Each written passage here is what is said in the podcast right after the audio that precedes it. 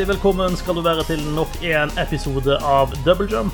De bråkete motorsyklene hjemme hos Håvard har forhåpentligvis gitt seg for en liten stund, så da ruller vi på med ordentlig guttasending. Mitt navn er Marit Kjørmo, og vi er Håvard Ruud. Hei sann.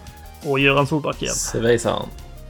Og i dag skal vi prate blant annet om Ja, skal vi prate om? Vi skal prate om nye konsoller, og hva vi kan forvente oss av ting som kommer til de.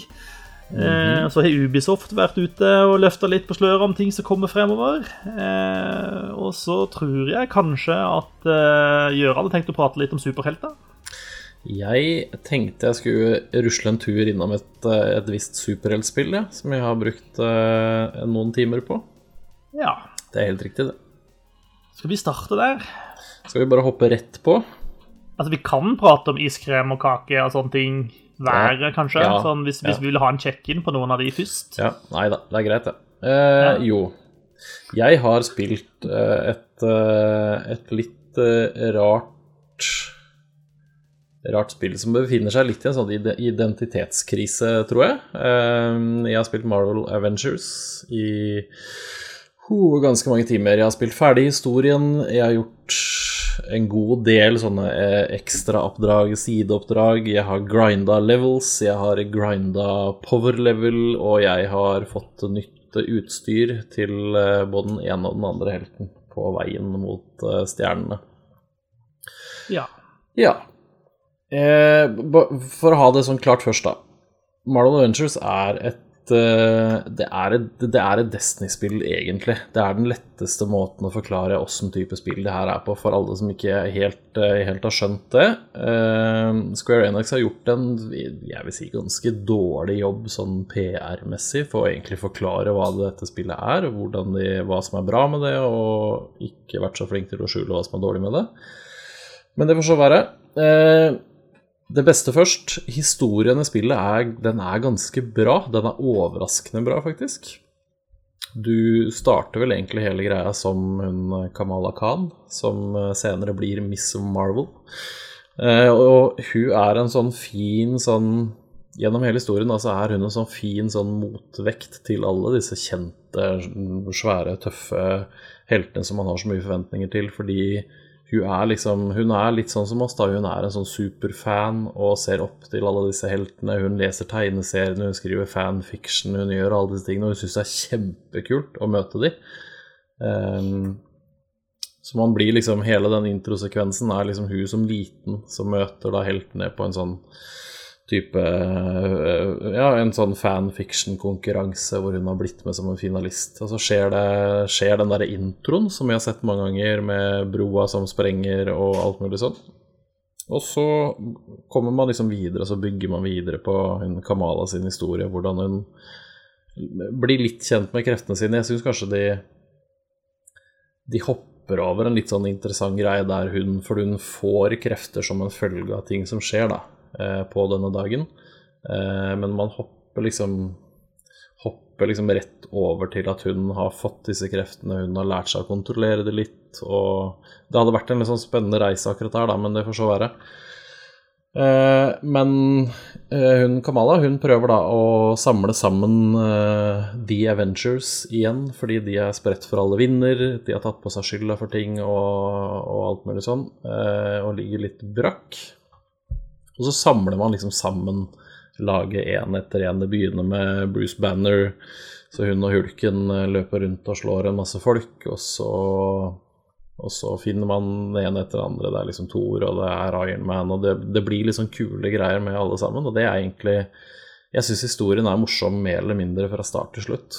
Um, og den, den har et ganske greit sånn driv hele veien også, og med selvfølgelig masse gode stemmeskuespillere. Det er jo eh, Flere av disse har hatt stemmer i flere animasjonsfilmer og sånne ting, så det, er, eh, det holder veldig høy klasse, og det er liksom dumt at det er liksom dumt at de ikke har vist mer av det, for det her tror jeg kanskje det er flere som hadde likt å spille igjennom, da.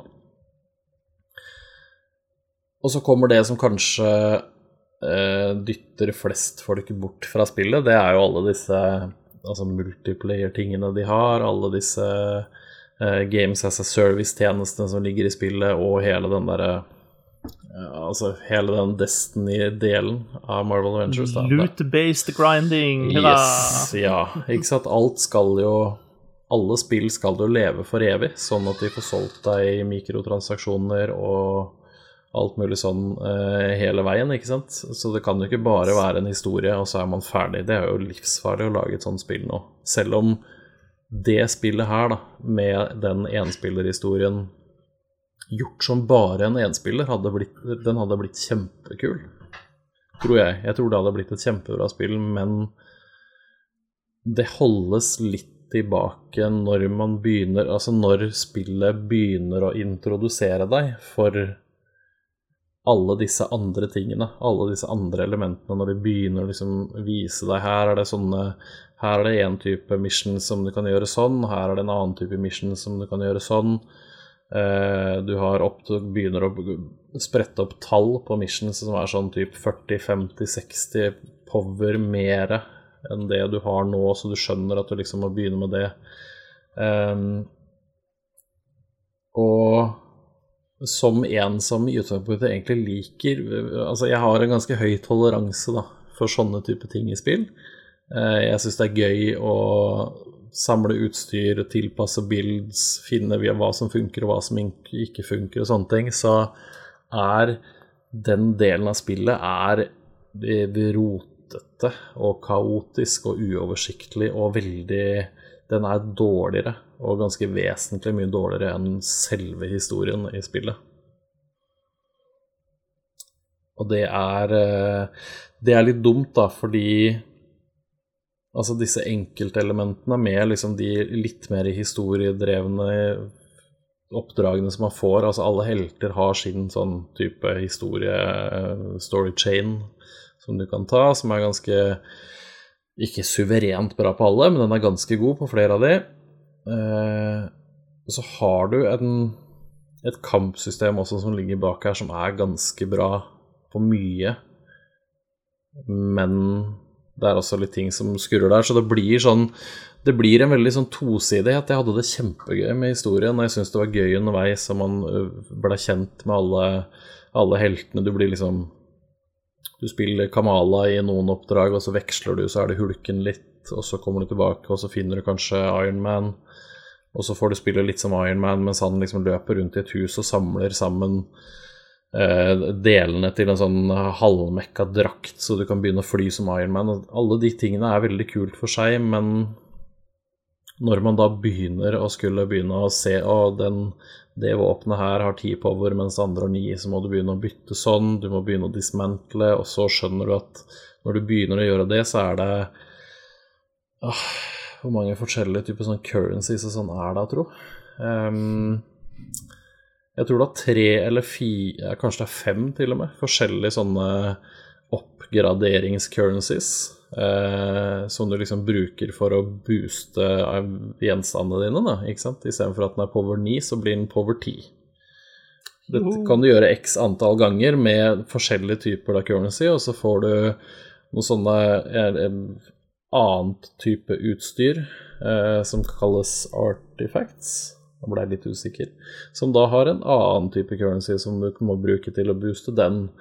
Og så har du penger, og så har du en annen type valuta som bare kjøper cosmetics, som du egentlig ikke får så mye av spillet, men som du kan bruke ekte penger på å kjøpe, sånn at du får den kule drakta til Thor, eller litt sånn.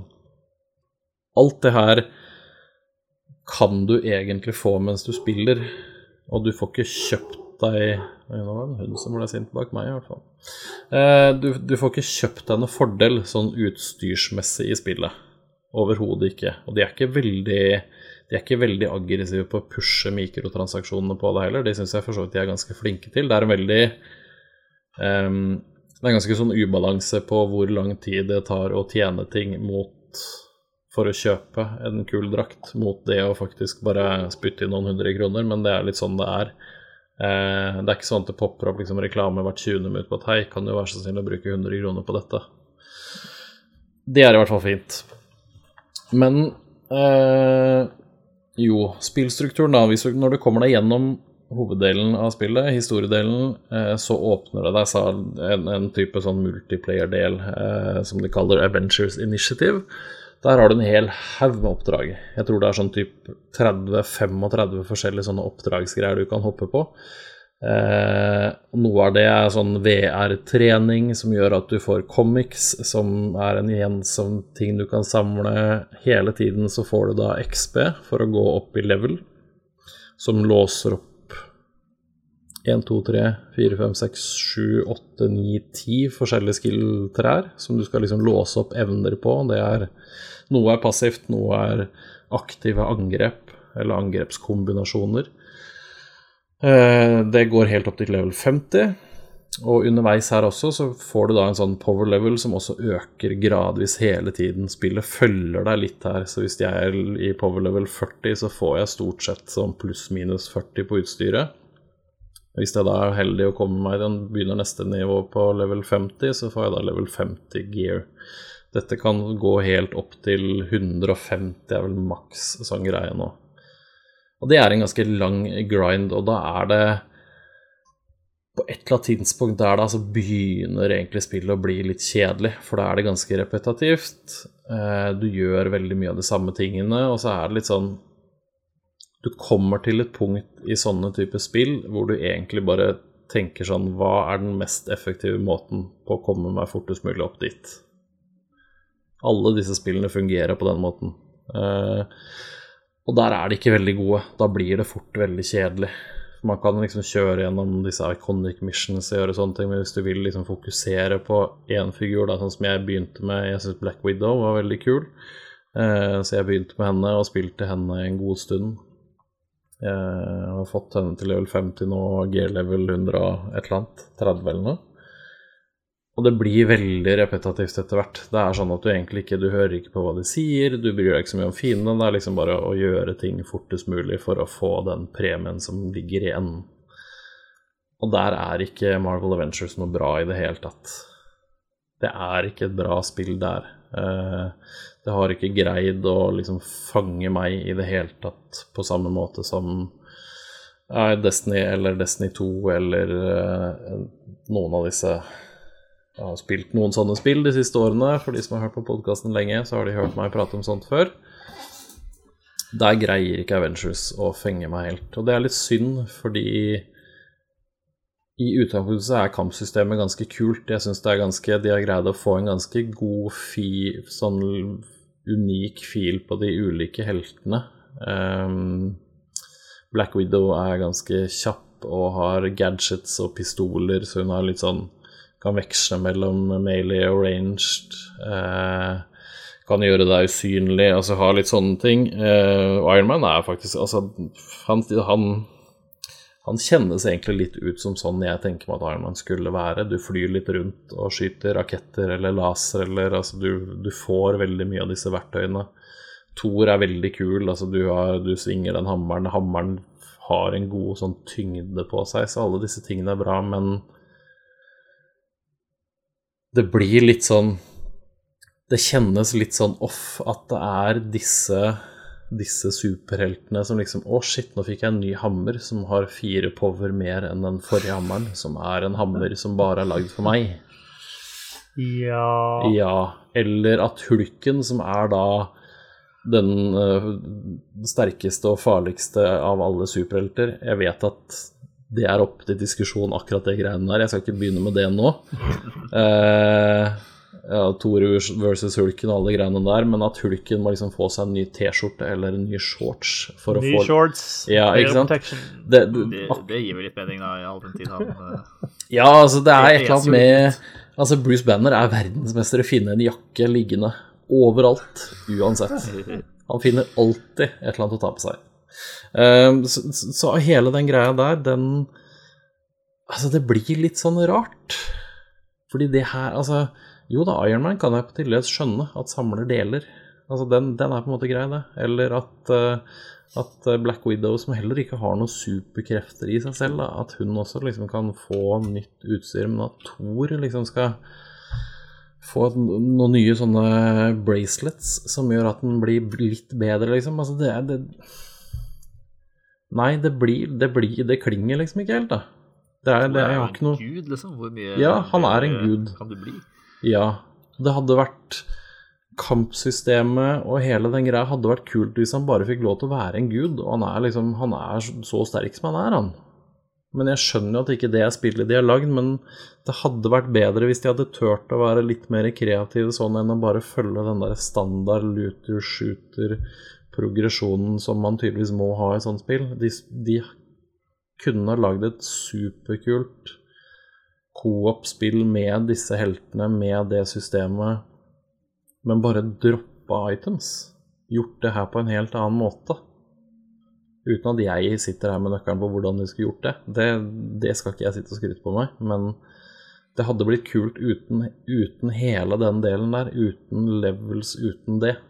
Fordi det, det rimer ikke med de du faktisk sitter og spiller. I det hele tatt. Altså, hulken skal ikke bli sterkere, for han er så sterk allerede. Eller Thor, som er en faktisk gud, liksom. Altså, du får ikke gjort Thor noe mer enn Thor. Han er ikke Thor pluss én, liksom. Men det er jo det spillet her, da. Det blir litt sånn off. Ja, men Det høres jo veldig ut som at her har de eh, på en måte hatt et råmateriale, et kildemateriale. Altså de presser det inn i en Eh, klassisk eh, spilloppskrift ja. som egentlig ikke passer kjempegodt til det råmaterialet man, man, arbeider med. Nei, og det er så synd, da, for det er enkeltelementer her som, som passer så veldig bra til det, som jeg syns de har fått til så innmari bra. Og det er Altså, kampene og bossene og alle disse tingene, de hadde funka veldig bra, og hele Altså, matchmakinga er et helvete nå, rett og slett. Så det har jeg nesten ikke spilt. Fordi det er bare kaos av en annen verden. Å få seg en gruppe er nesten umulig. Så jeg har spilt mye aleine, men da får du med deg dine helter allikevel. Altså det er et sånt Altså det er et firepersons co-op-spill, og jeg kan dra nytte av å Hvis jeg velger de rette evnene på å si Black Widow, da, så kan jeg, når jeg spiller toer, få dra nytte av det. Så det er en morsom sånn dynamikk i det, selv om du spiller aleine. Så de kunne gjort, de kunne brukt det her til noe veldig mye bedre enn å liksom Å, nå får du 160 i power istedenfor 150. Jippi. De kunne bare latt meg gjøre det på en Nei. Jeg vet ikke helt hvordan de skulle latt det leve. Mest sannsynlig så hadde det spillet her vært bedre av å bare vært et singleplayer-spill med en historie, der du spilte disse heltene med det kampsystemet og kunne bare være, være en superhelt, liksom. Jeg tror det hadde vært bedre hvis de stoppa der, fordi alle disse andre tingene, det, det Ja, nei da jeg, jeg mista ganske fort interessen, faktisk. Jeg spilte det veldig mye lenger enn det jeg egentlig syntes var gøy etter hvert. Fordi det blei det ble litt sånn off, hele greia. Og så er det ikke Det er ikke god nok variasjon i oppdragsstruktur og sånn etter hvert. Og det er ikke god nok variasjon i fiendene etter hvert. Um, så det Sånn utover i spillet så begynner disse svakhetene å liksom krype eh, tettere og tettere opp under overflata. Så um, det er litt dumt, fordi det er veldig kult å fly rundt som Thor når han snurrer hammeren og setter fart, og du lander og smeller hammeren, og det er lyn, og det er torden, og det er liksom ja, det, Du gjør alle disse fete tingene som er innmari kult, og som kjennes veldig bra, og så er det sånn Å, kult, nå fikk jeg et våpen jeg bare må dismantle, sånn at jeg får en ressurs som gjør at jeg kan oppgradere det jeg har, pluss én gang, liksom. Det, det, det funker ikke her, da, syns jeg. Mm. Ja. Det, det, det, er jo kjipt, syns jeg. Ja, det er kjipt, for det er, det, er så, det er, så, Jeg hadde det veldig gøy med spillet. Det er litt sånn, jeg, jeg er veldig glad jeg ikke skal sette en poengsum på det, for det syns jeg hadde vært vanskelig. For jeg, hadde det, jeg har hatt det veldig Det har vært veldig kult, og det har vært veldig gøy å endelig kunne spille som en Tor som føles som en Tor, da.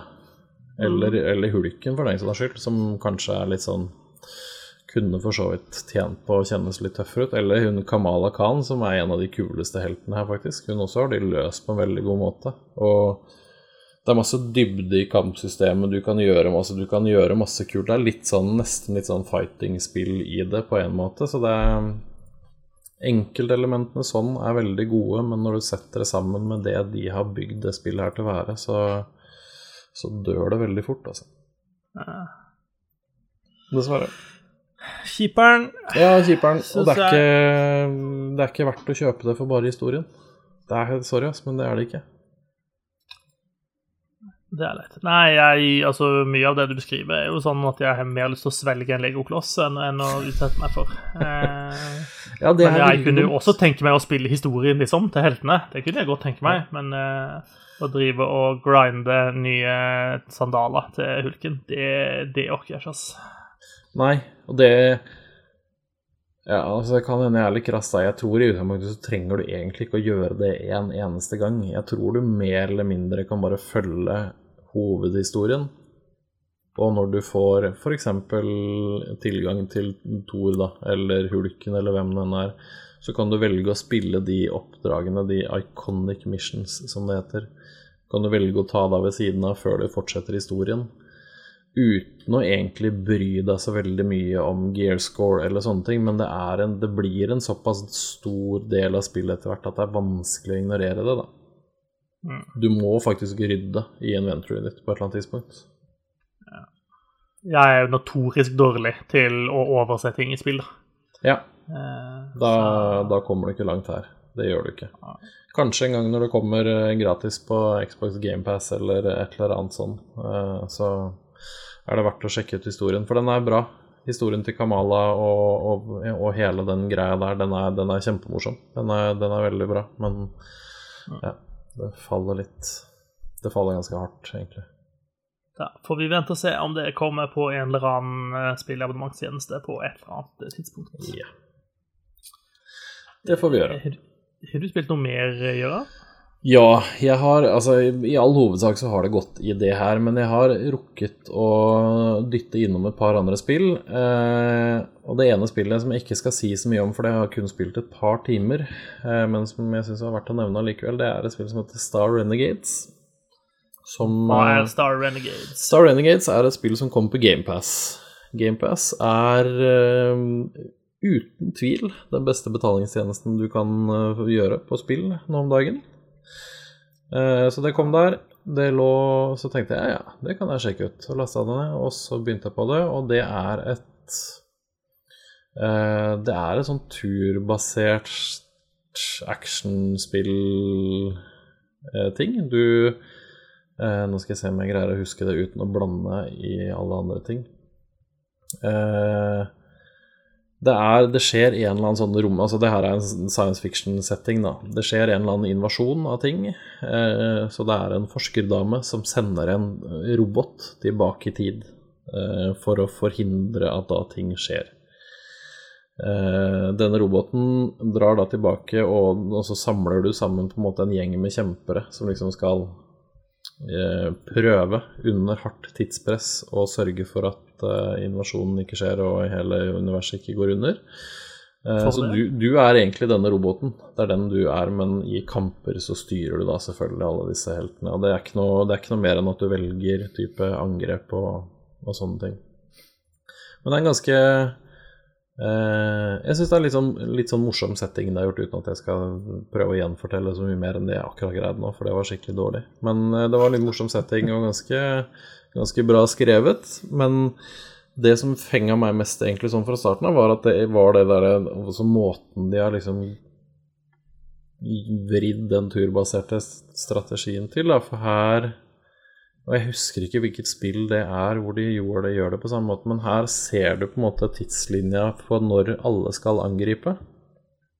Også, Ja, det er flere, det er flere spill ja, som det er gjør flere det. som har gjort det.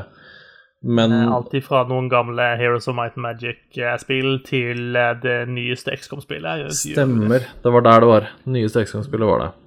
Men der kan du i hvert fall da, ikke sant, hvis du gjør et type angrep, så kan du skyve Da skyver du den lenger bak. Så du kan på en måte legge opp til at du får gjort x, eh, x ting før den da gjør en annen ting.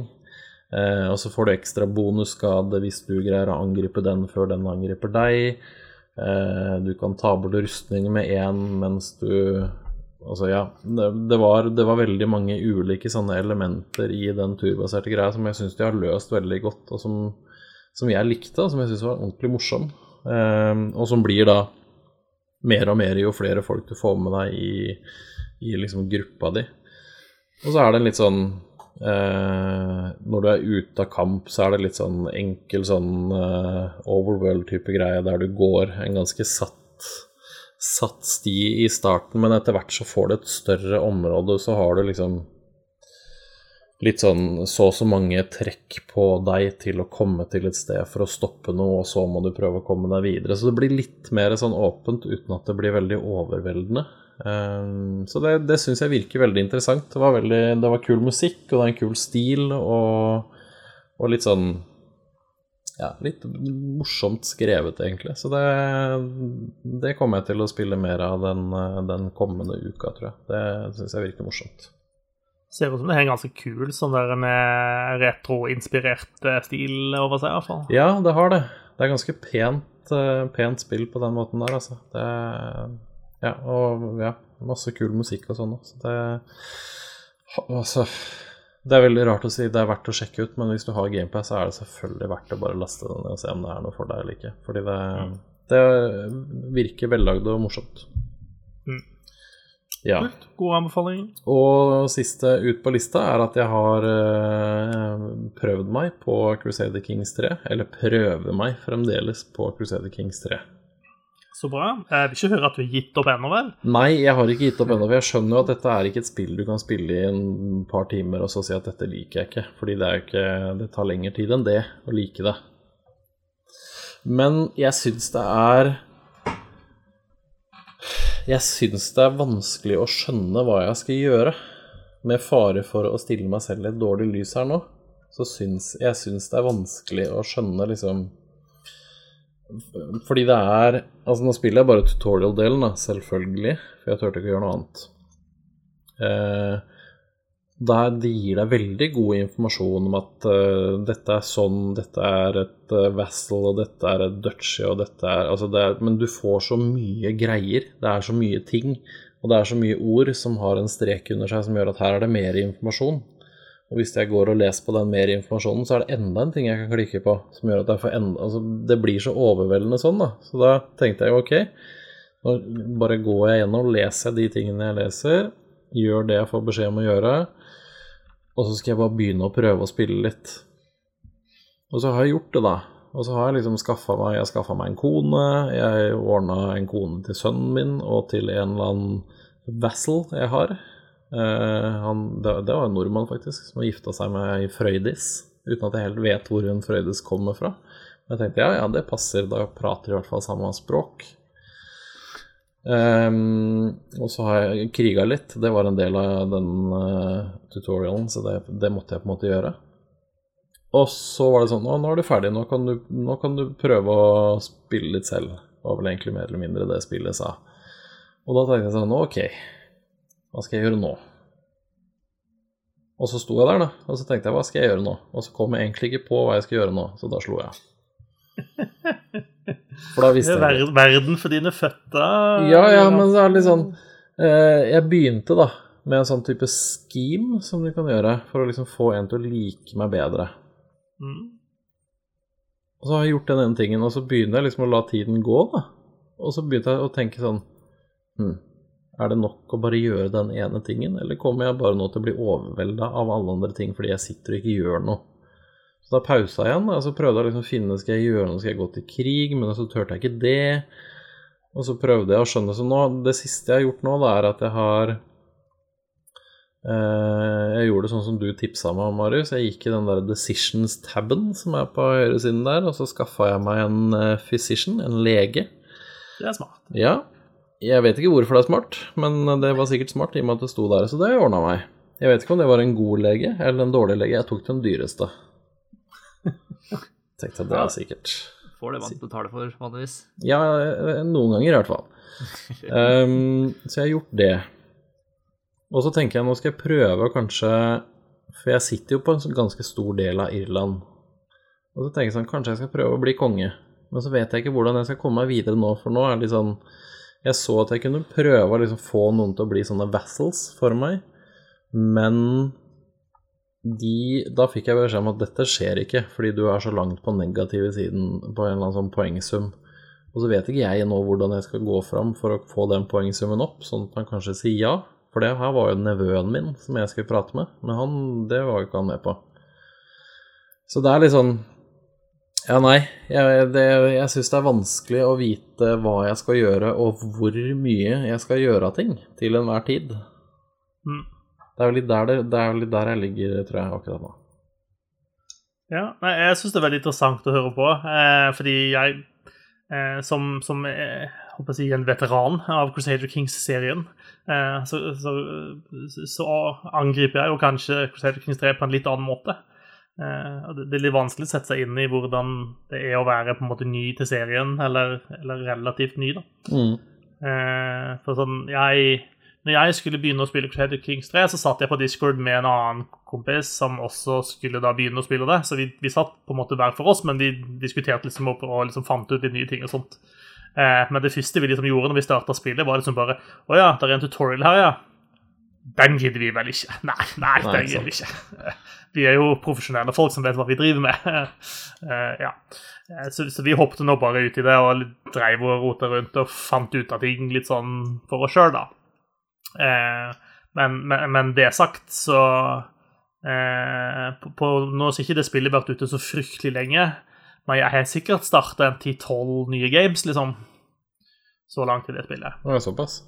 Ja, men det, det, er jo ikke Det ser jo ikke jeg på som noe nederlag på noen måte. Det er mer fordi at jeg tester ut ting og prøver litt forskjellige ting og liksom finner ut av hva er det smart å gjøre, hvordan henger ting sammen, og oppdager liksom at ja, det er stor forskjell om man spiller som en eh, viking med liksom norsk kultur og med, med norsk eh, Eller Åsa-tru, eh, enn om du spiller som en eh, vasall i det bysantinske riket, liksom.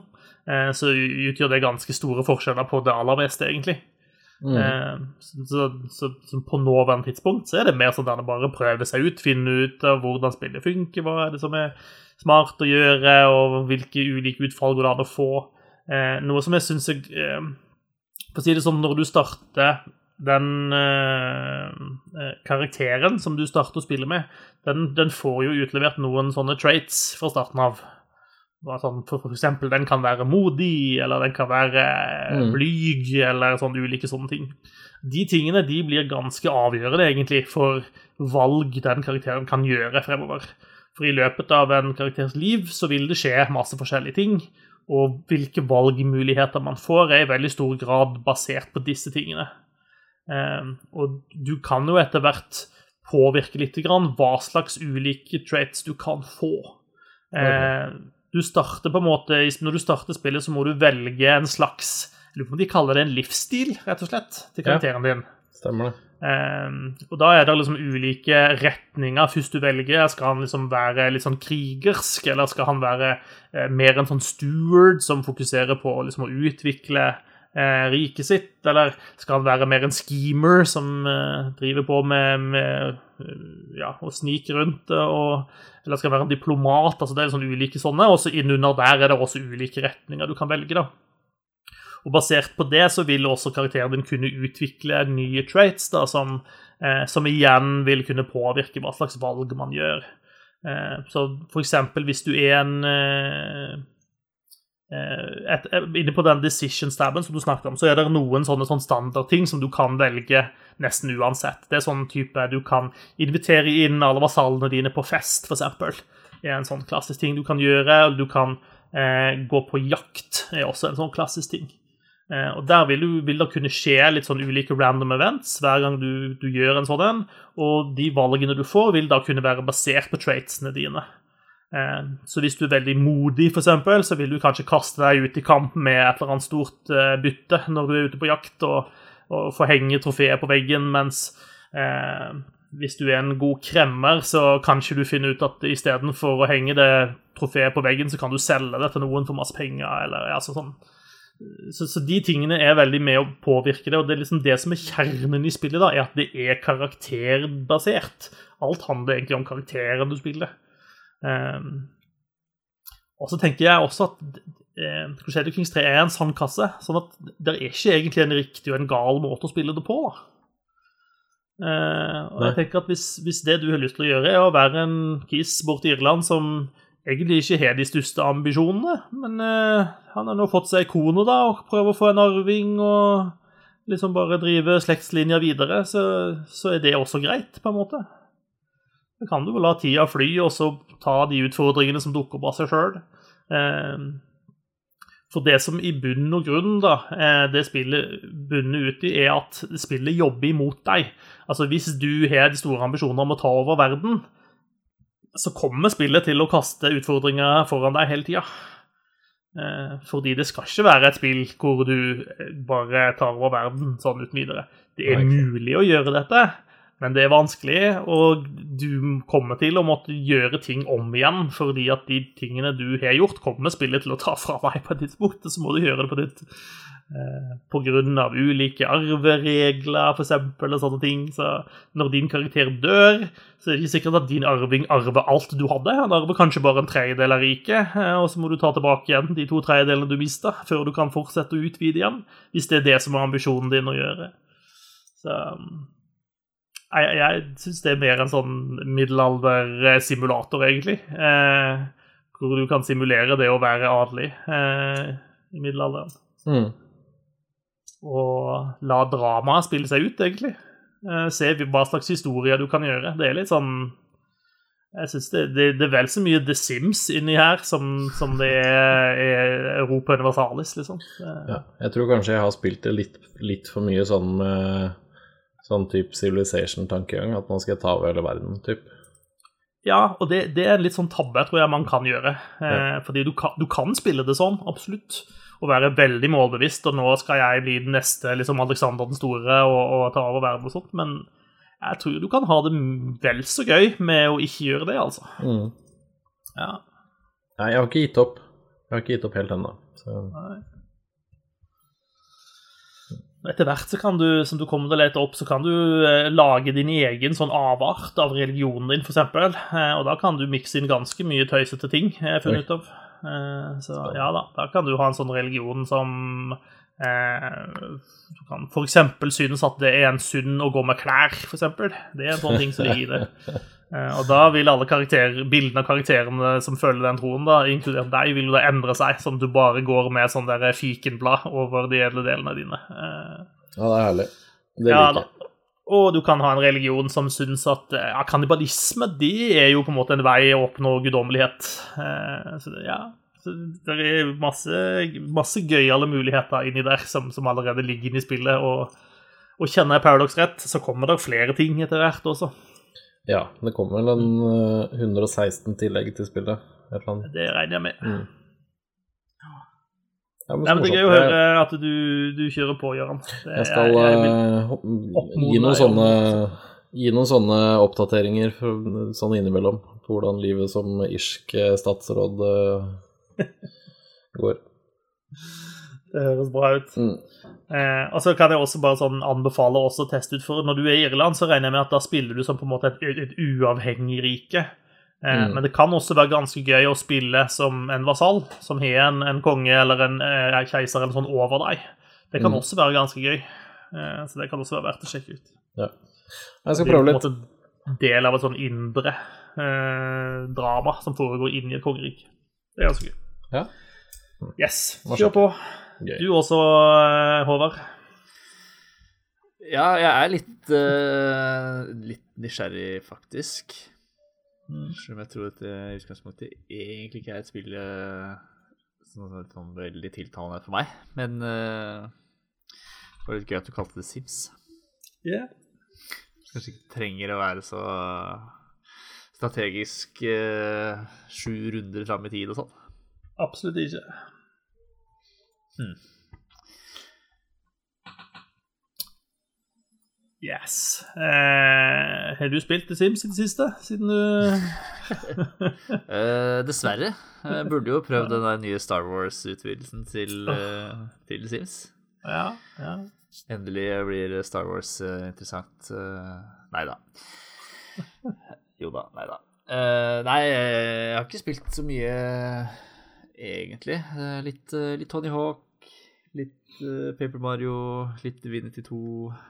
Uh, eh, ja, fått nærme meg slutten på alle de tre, eller siste tredjedelen i hvert fall.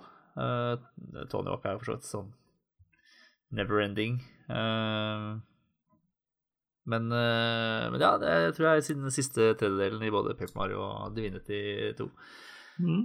Så det er sånn mulig å se en slags ende på det, selv om ikke nødvendigvis vil at det skal, skal slutte. Begge, både, både de to, begge de to spillene er kjempebra.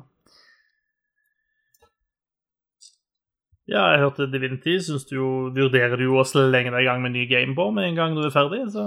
Ja, det, det hadde vært gøy å prøve litt ny bild. Jeg har sett en sånn sett en video siden sist av en som uh, han, har en, han har en videoserie som han kaller Divinity 2 is a perfectly balanced game with no exploits, eller noe sånt. Uh, hvor han, denne videoen jeg så, så spekker han telekinesis. Så du kan flytte uh, gjenstander på lengre avstand. Uh, og så fyller han bare en kiste full av alt mulig tunge ting. Uh, og så flytter han den med seg da, som en slags, som en slags hund. Uh, og så bruker han den til å drepe fiender uh, fordi vekta på kista tilsvarer skaden den gjør når den kastes på noen.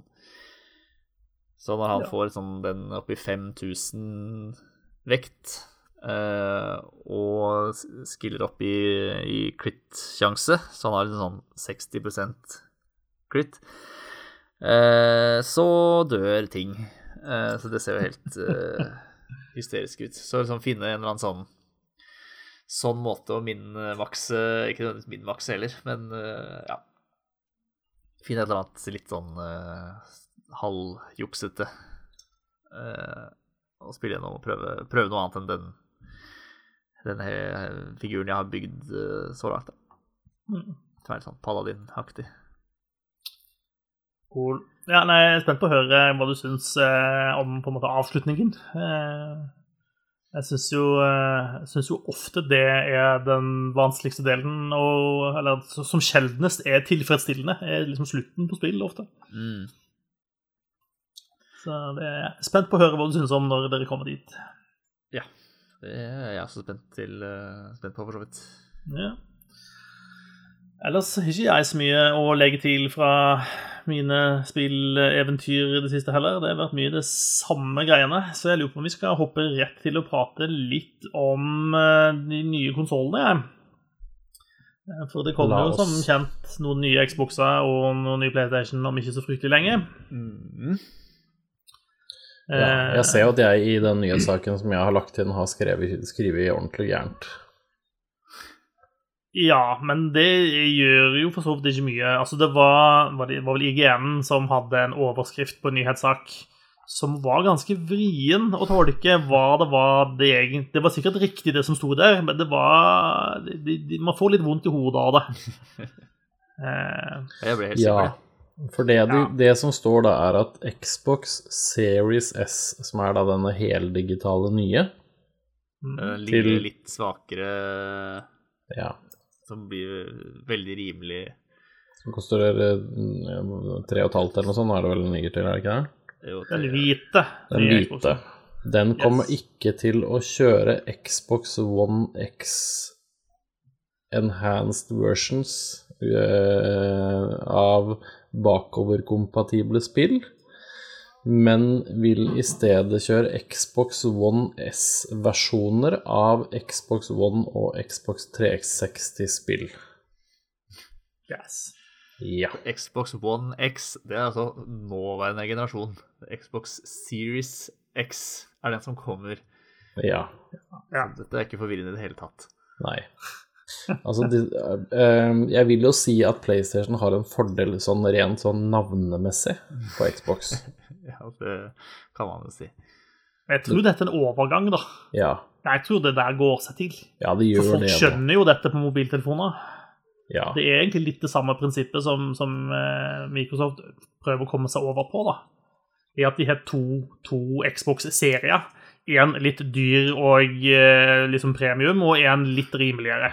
Og det, det, det, gjør jo de store mobilutviklerne også. gjør jo akkurat det samme. Og folk har jo lært seg å skjønne det. Selv om Ja. også mobiltelefoner heter rare ting og sånn. Men hva blir den neste nå? For nå er det Xbox Series S og Xbox Series X. Blir det Xbox Series S1?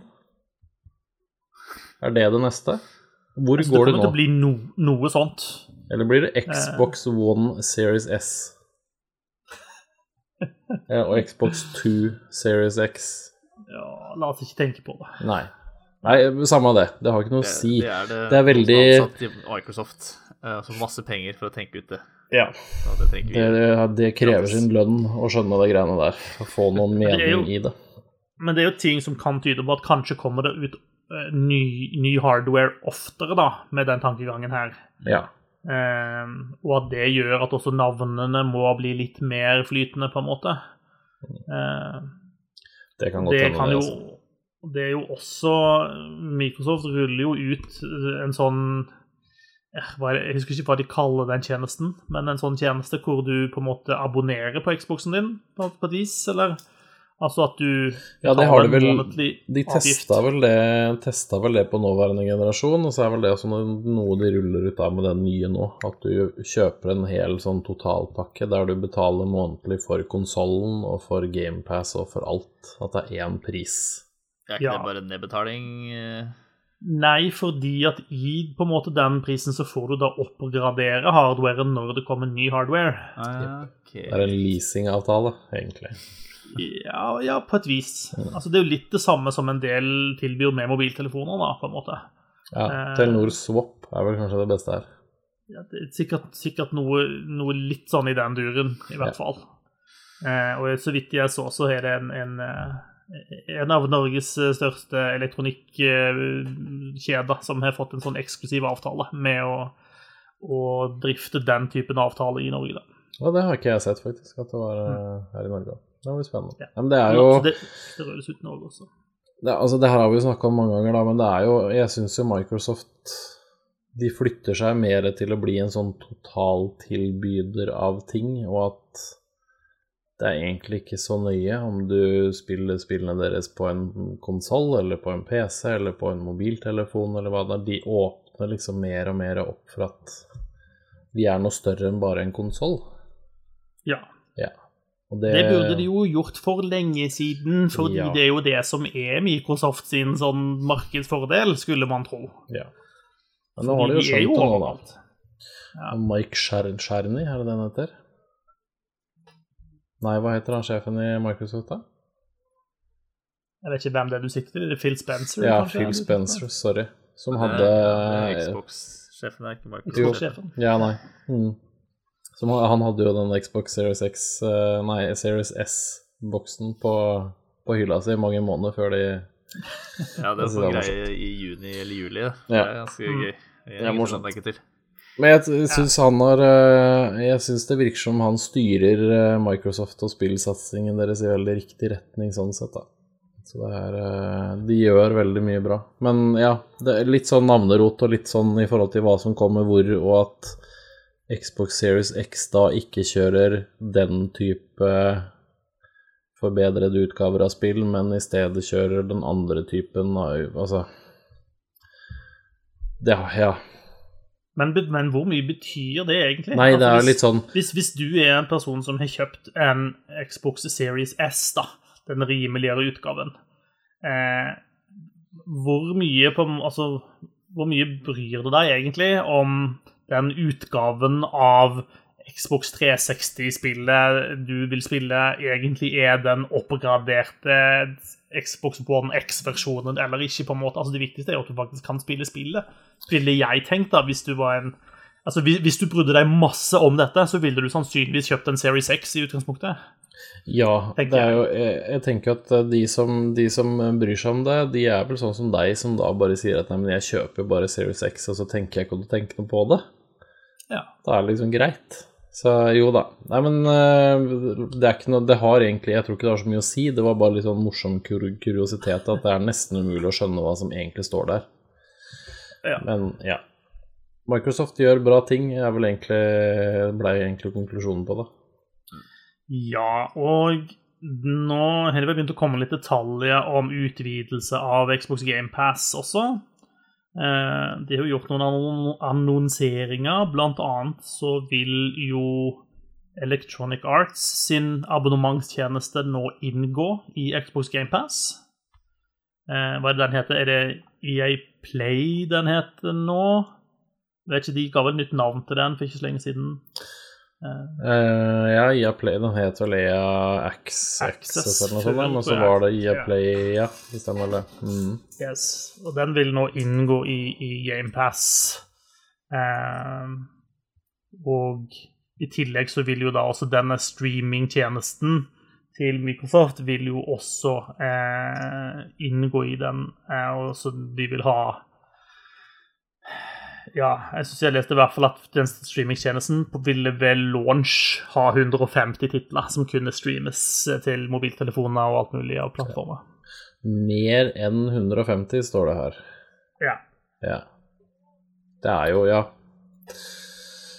Tjenestene til Microsoft fortsetter å gi verdi for pengene du betaler hver måned, da. ja. Ja. Jeg tror jeg er godt, godt på plussiden akkurat der nå, i forhold til spillene og antall timer jeg har brukt der.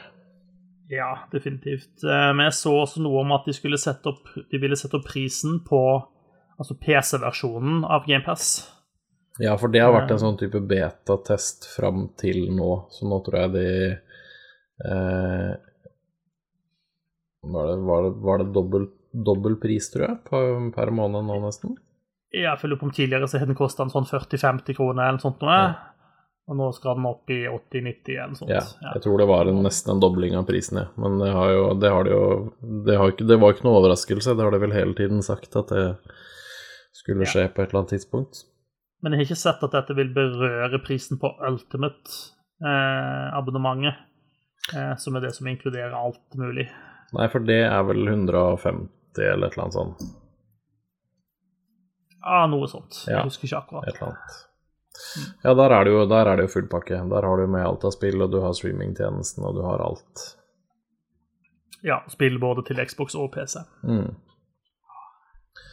Ja. Eh, ja. Nei, det ble, det ble litt mye Xbox GamePass-prat i denne sendinga, kjenner jeg. Eh, men eh, eh, det, det, det, det er det Microsoft driver og pusher, da. Eh, egentlig hardere enn de pusher de nye konsollene sine. Så det er ikke så unaturlig å prate om. Eh, Nei, du, Nier de en tjeneste. Automata Nier Automata er en del av dette her, eh, folkens. Så nå er det ikke noe grunn til å ikke spille det. Oh, Til og med på cloud på. gaming, altså. ja, ja. ja. Det er definitivt en god tjeneste. Ja. Eh, og når vi snakker om litt sånn forvirring rundt hva som er på en måte oppgraderte versjoner og slike ting eh, Noen som har klart å forvirre ganske bra om det, er jo Remedy eh, til dette Control-spillet. Vi har jo prata litt om dette tidligere, eh, fordi til altså spillet Control eh, Der kommer der en på en måte oppgradert versjon til de nye konsollene. Så har de gitt ut en eh, Jeg husker ikke hva de kaller den, men en sånn eh, Ultimate Super-utgave av spillet. Eh, som nå har kommet ut. Som Hvis du kjøper den, så vil du få eh, den oppgraderingen til de nyere konsollene. Eh, mens de som kjøpte Control originalt, ville ikke få den oppgraderingen. Og så eh, syns jo mange at det var litt teit, og så har da eh, Remedy på en ikke spesielt overbevisende måte forsøkt å forklare at ja, men vi hadde lyst til at det skulle gå an å gjøre det annerledes, men det går dessverre ikke an. Og så skjedde det noe nytt og rart eh, forrige uke, Gøran. Ja, forrige uke så blei alle alle som hadde originalutgaven, jeg tror det var på PlayStation, hvis ikke jeg husker feil. Ja. Eh, Alle som hadde da originalutgaven, plutselig så var den oppgradert til da denne Ultimate-utgaven som de sa ikke var mulig. Og så ble det her tatt bort igjen da, ganske fort. Eh, et par timer seinere så var det liksom borte igjen, denne Ultimate-greia. Eh, og du fikk liksom istedenfor at det sto 'last ned', så sto det da 'kjøp' eller et eller annet. Så det eh, Five of Five Games, da utgiveren har da gått ut og sagt at dette går ikke. Det hadde tydeligvis da skjedd, og så ble det tatt bort igjen. Så det her blir jo da Det her er jo et uh, shitshow av en annen verden, og det er noen som har trykka på en knapp de definitivt ikke skulle trykke på her. Uh, eller, eller trykk på akkurat den rette knappen, uh, Ja. alt etter sånn. Uh, Ja. Det hadde jo vært gøy om det viser seg at det faktisk er Remedy som har bare vist fingeren til utgiverne sine og sagt at du, det her går an. Og så har du trykka på den sånn bare for å vise det, altså for å presse gjennom noe. Men jeg tror ikke det er så, jeg tror ikke det er så lett. Men jo da, de sa nei, sorry, det går ikke an å gjøre det. Og så skjedde det ved en feil, og så tok de det bort igjen. Og så har det vel egentlig ikke Siden da så tror jeg ikke det er sagt noe. Nei. Nei. Nei, det er jo Altså, de de har gravd seg et bra høl, rett og slett. Ja da. Eh, og der, der sitter de. Ja, nei, de Eh, sitter ikke heller, de fortsetter bare å grave. Det er det som er problemet. Hadde de bare blitt sittende. Uh, ja, nei, vet du hva de, de, de, de, de må bare fikse det der, rett og slett. Ja, Det altså, det ikke- eneste Det er ikke veien ut utvei ut. Nei, det eneste veien ut er nå å si at vet du hva, sorry folkens, vi er bæsja på leggen, alle får denne oppgraderingen. Selvfølgelig. Ja, Ja. Det, det, det må la seg gjøre. Jeg kan ikke skjønne noe annet. Nei, nå må de bare. Ja. Fix it. Sånn, den. Eh, Seinere denne uka så skal Sony eh, ha en eh, konferanseaktig sak eh, om PlayStation 5. Eh, Microsoft avslørte jo pris på sine konsoller, og da, da regnet vi jo med at det tok ikke lang tid før Sony var klar med å prate litt, de også, og det, det viser seg jo å være riktig. Eh, men vi vet jo ingenting, da, hva, hva de skal vise frem. Eh, vi vet nå prisen på, på Microsoft sine konsoller, og at de, kan, de kommer 10.11. og kan forhåndsbestilles fra neste uke en gang. Eh, men hva, hva tror vi PlayStation skal vise, da? Altså, Xbox Series X uh, er tilgjengelig fra 10.11. til 499 dollar. Så jeg forventer jo at PlayStation 5 er tilgjengelig fra 9.11. til 498 dollar. Ja uh, Det vil jo overraske meg om den er særlig mye seinere. Ja, det må jo være eh, si, innafor pluss-minus en uke, tror du ikke det? Ja, de kan, de, kan våge seg, tror jeg, på å legge den til si begynnelsen av desember, men ikke noe seinere enn det, tror jeg. De må ha den ute i god tid før jula. Ja, siste uka i november, første uka desember er jo absolutt senest. Jeg tipper maks et par uker seinere, jeg. Ja, og pris, da? jeg blir, blir, blir eh, Legger de den 50 dollar under, eller? Nei, jeg tipper han blir litt dyrere. Jeg tipper han blir 50 dollar dyrere, og så setter de på at det er uh, Dette, dette er konsollen med alle de gode spillene. Jeg tror de kommer til å pushe veldig på det. Ja, men de, de har en litt tøff selv på det at uh, på, på hvilken konsoll som er den kraftigste. Og jeg vet at her er det ulike måter å måle dette på og sånn og sånn, men eh, ting tyder vel på at i en sånn ren kraftkamp, så, så er det så, sånn man vanligvis regner hva som er kraftigst, så er Xbox Series X hvassere enn PlayStation 5. Ja. Og da er det litt vanskelig å skulle si at uh, denne er ikke full så kraftig som motstanderen, men den er litt dyrere. Ja. Jeg jeg tror de er, men jeg veit ikke. Jeg har en følelse at de gjør det. Og så tror jeg de Jeg tror de kommer til å bare pushe hardt på at eh, det, er her, det er her du får spillene det er verdt å betale for. Ja. Og så kommer de med et par sånne feite, feite nyheter sammen med konsollen. Jeg er spent på det. Jeg, jeg tror de legger seg en femtilapp under, jeg. Ja. Det er mitt, min spådom. Eh, hvorfor skulle de vente på, på å få høre hva Microsoft skulle ta, hvis ikke de skulle agere ut fra det? Nei da, det er sant, det. Altså. Det er et godt poeng. På Team Marius. Eh, Det er ikke sånn at Sony ikke har penger de kan tape på konsollsalg. Nei, jeg tror, jeg tror i det lange løp da, så er det definitivt verdt å holde på den posisjonen de har hatt, med liksom markeds, eh, markedslederen på antall konsoller. Så det er verdt å, verdt å legge seg litt under for det. Vi får se. Eh, Men det vil være den smarte tingen å gjøre, i hvert fall. da. Så Ja. Du ser om de er smarte, da. Det vet man jo ikke. Eh, Det er ikke sikkert. det kan, kan, jo være at de blir litt sånn uh, At de tenker at nå, nå har vi overtaket. Vi hadde en så stor markedsandel at den kommer vi automatisk til på en måte å få, få, få med oss. da. Jeg tenker at vi har så gode spill at folk er villige til å betale ekstra for, for vår konsoll. Det kan jo være. Det kan jo også være de, de ser for seg at Microsoft kommer til å selge færre konsoller fordi at nå kan du spille spillene deres på PC og på mobiltelefon og alt mulig. Så eh, at de ser for seg at da vil de automatisk få en større markedsandel på bakgrunn av det også. Det er jo en tanke, det òg. Men ja. jeg husker riktig at det skulle være to versjoner av PlayStation 5 òg, ikke sant? Med og uten drev. Det er riktig. Ja. Mm. En, en, stygg og en litt mindre stygg ja. versjon. Ja, det var det det blei der òg. Det ja. blir jo sånn type et eller annet rundt uh, 3000 og 5000 på de to òg, sikkert. Det var så mye kan ikke et diskdrev koste. 1500 kroner? Vi får se, da. Det kan jo være mer som er forskjell på det enn en bare det, da. Det vet vi jo ikke. Ja, nei, vi vet jo ikke mer enn at det ser Kanskje det er noe lagringsplass inni der òg. Ja, sant. Ja, det blir spennende. Ja, det, du... Jeg gleder meg til å se. Det er vel den største grunnen din til å kjøpe ny PlayStation over mer lagringsplass. ja, sant, ass. Det er i hvert fall ikke designet. Det skal ha noe nytt uh, møbel i stua som skal uh, være vakkert. Nei, det skal sies at den der uh, kjøle...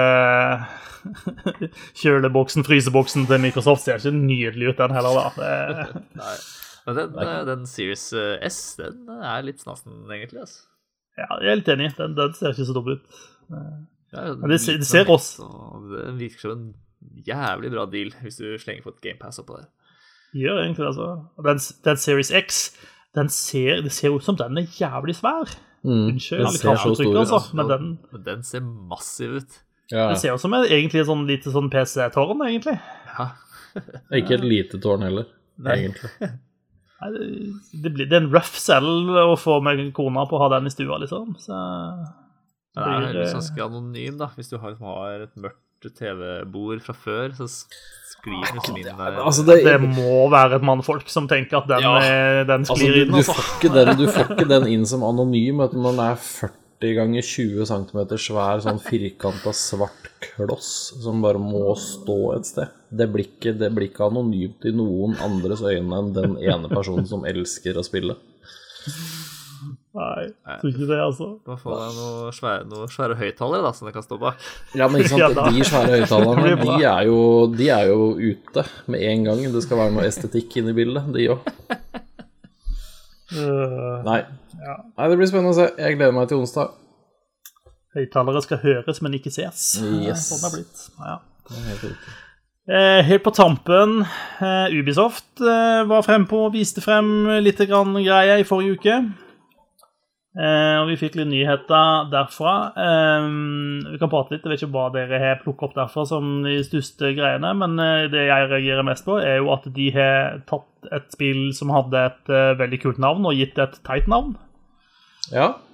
Det som før het Gods and Monsters, som jo var et kult navn, heter nå Immortals Phoenix Rising. Det er det dummeste navnet på veldig lenge, faktisk. Ja, det er ganske dumt. Men spillet ser kult ut, da. Spillet ser morsomt ut.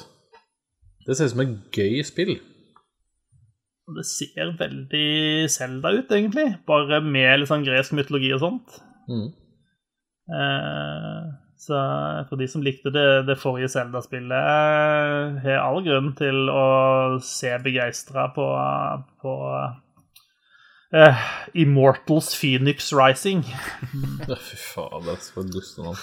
Ja. ja, det ser gøy ut, det. Ja. Um, svær, veldig sånn Zelda-aktig verden, kan du si. Breath of the Wild. Uh, yep. Størrelse. Det... Vakkert. Det skal være tilgjengelig på eh, de fleste plattformer 3.12. Mm. Det blir spennende å se. Det gleder jeg meg til yes. å sjekke ut. Ja, jeg tror det kan bli kult ja. Eh, når vi bare kommer over navnet. Eller så er det en viss eh, prins, da. Ja. En god, gammel prins som kom frem i lyset på nytt. Ja. Prins Mil. Prins Mil. Prinsen av Persia. Yes. Eh, her må du hjelpe meg, Gøran, men det er altså en remake av hvilket spill? Uh, The Sands of Time. Sands of Time, ja. Mm. Det var litt gøy, det, var det ikke det? Det er vel et av de bedre, er det ikke det? Jeg bare tror det er det eneste Prince of Persia-spillet jeg har spilt. Men uh, det var Jeg mener, ikke husker det var ganske gøy. Det var ganske sånn, uh, sånn flytende combat uh, i det. Som du rulla over fiender og sånn. Ja. Gøy med plattformhopping og løping på veggen og spole tilbake om du dumma deg ut og sånn. Mm. Jeg gleder meg til å spille det igjen. Um, jeg har eh, utelukkende gode minner fra det, og så husker jeg skikkelig dårlig, så det er ikke sikkert de stemmer. Men eh, nei, det gleder jeg meg til å prøve igjen. De sier jo at de liksom skal bygge det opp fra grunnen av og sånn, at det ikke bare er litt finere teksturer som legges på. Så da er det jo alltid spennende å se da, om de greier å få til liksom, fysikk og sånn, så det kjennes, eh, kjennes riktig ut. Jep. Så, men ja, jeg gleder meg til det. Det er vel egentlig Ja, det er vel egentlig det jeg gleder meg mest til, og det som ble vist der, for så vidt. Ja, altså De viste jo også noe som de kaller for Riders Republic. Ja. Eh, som er Husker dere Steep? Ja.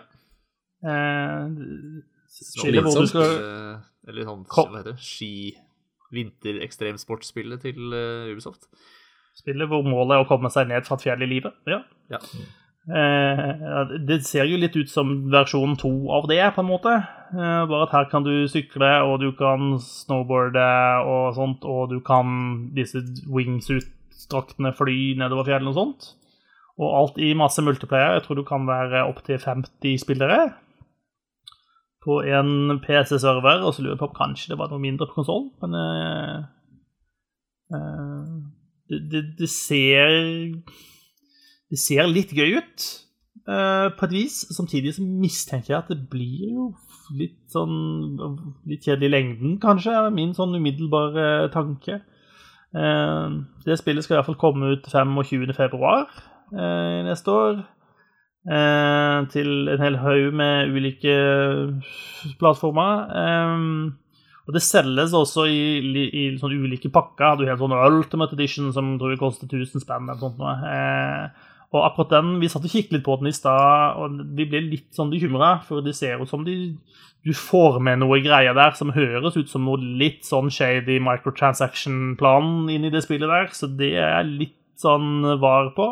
Eh, men vi skal ikke dømme det for mye før vi faktisk har detaljene på hva det faktisk innebærer. Men eh, det var et lite sånn rødt flagg inni der med noen sånn helikopterbilletter som du fikk med hvis du kjøpte den svindyre versjonen. Eh, som gjør meg litt skeptisk. skeptisk.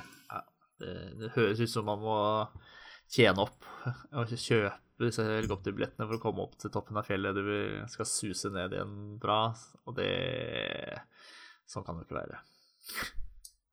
Nei, det høres ikke bra ut. Vi får se. når de, vi kommer til å få de detaljene etter hvert. Um, Ja, det er ikke sikkert det er sånn, det bare høres sånn ut. Uh, Ja. Og det høres ikke bra ut hvis det, hvis det er sånn. Ja. Eh, kan jo nevne at Ubisoft valgte også å si noen ord om de eh, ja, skandalene de har hatt, eh, og egentlig beklagte for det. Eh, så det er jo for så vidt fint at de i hvert fall tok det opp og adresserte det, i det minste. Eh, det er jo ganske mange i Ubisoft som etter hvert har fått fyken i ledelsen eh, av eh, eh, diverse anklager. Eh, Så det er jo fint at de rydder opp, men jeg vet ikke helt om behandlingen av de sakene har på en måte gjort at man har gjenvunnet den tilliten som, som de kanskje mista i det. da. Eh, Samtidig så vet jeg ikke hvor mye den gjennomsnittlige Assassin's Creed-spilleren eh, følger med på den typen ting, for å være helt ærlig. Ganske lite. jeg Setter jeg pengene mine på, i hvert fall. Ja, jeg Mm. tror jo kanskje det. Mm. En ting som vi ikke fikk se, eh, var Skull and Bones. Husker dere det, eller? Ja da. Det kommer vi aldri til å se mer av. Det er, det er litt uh, Polygon har en sak der de har gravd litt i dette og spurt hvor i alle dager er Skull Bones? Hva skjer med det spillet? Hvorfor eh, kommer vi til å få se det noen gang? Eh, og da har de da prata med eh, creative director Elizabeth Pellen, eh, som eh, sier at det spillet er fortsatt under utvikling. Eh, hun har noen flotte ord om at de sånn, i, i prosessen med å lage spillet, så lagde de en ny visjon for spillet. Eh, der de drømte om noe som var større og bedre eh, for Skull Bones, og at eh, med de nye, eh, nye ambisjonene så kom det også nye utfordringer, eh, som også gjør at spillet da kommer til å bli gitt ut mye seinere enn det de egentlig hadde tenkt. Eh, så de mener, deg, de mener å si at spillet kommer, men eh, det blir eh, noe annet. Og de sier at eh, de har planen om å De kaller det å re-reveal, altså at de på nytt skal avsløre ting om Skull and Bones en gang i neste år. Skal jeg, oversette, skal jeg oversette det hun sa til deg på, på, med vanlige det. ord? Yes, please. Det vi hadde, var altfor dårlig, så vi skrinla det, og så begynte vi på nytt. Ja. Vi, vi fikk et siste, en siste sjanse til å lage et spill ut av det her. ja, det kan være. Eh, Jeg tror, de, jeg- tror de, de, de hadde sikkert en visjon en gang, og så tipper jeg de ikke helt har greid å se hva som egentlig er gøy med det, og så må de finne på noe. For det blei enten rett. Og så tror jeg altså det, det kommer ut noen andre spill eh, etter hvert som, som handler om dette. Eh, og det kan nok tenkes at de har tatt litt lærdom av det også. Eh, jeg tenker kanskje spesielt på Sea of Thieves. Eh, så de har nok eh, sikkert eh, sett litt hva som funker og ikke funker, og funnet ut at de må kanskje gjøre ting annerledes enn de egentlig hadde tenkt. Så vi får se. Ubisoft er jo ikke ukjent med å dingle spill foran oss, og så bare aldri vise de igjen. Eh, eh, så vi får se eh, om det kommer noe. Og, og det å aldri få se noe igjen Jeg håper jo du får høre oss igjen om en ukes tid. Det er i hvert fall planen. Ja. Eh, denne sendingen er over for i dag. Vi jeg syns det var veldig hyggelig at du ville høre på oss. Eh, legg gjerne igjen en lyd i sosiale medier hvis det er noe du syns er bra eller dårlig, eller vil vi skal gjøre mer av. Vi setter veldig pris på din tilbakemelding. Eh, og fra meg sjøl, Håvard Gjøran, så er det ikke så mye mer å si enn å ha ei brillefin uke og på gjenhør. Hei så lenge. Ha det for nå. Ha det bra.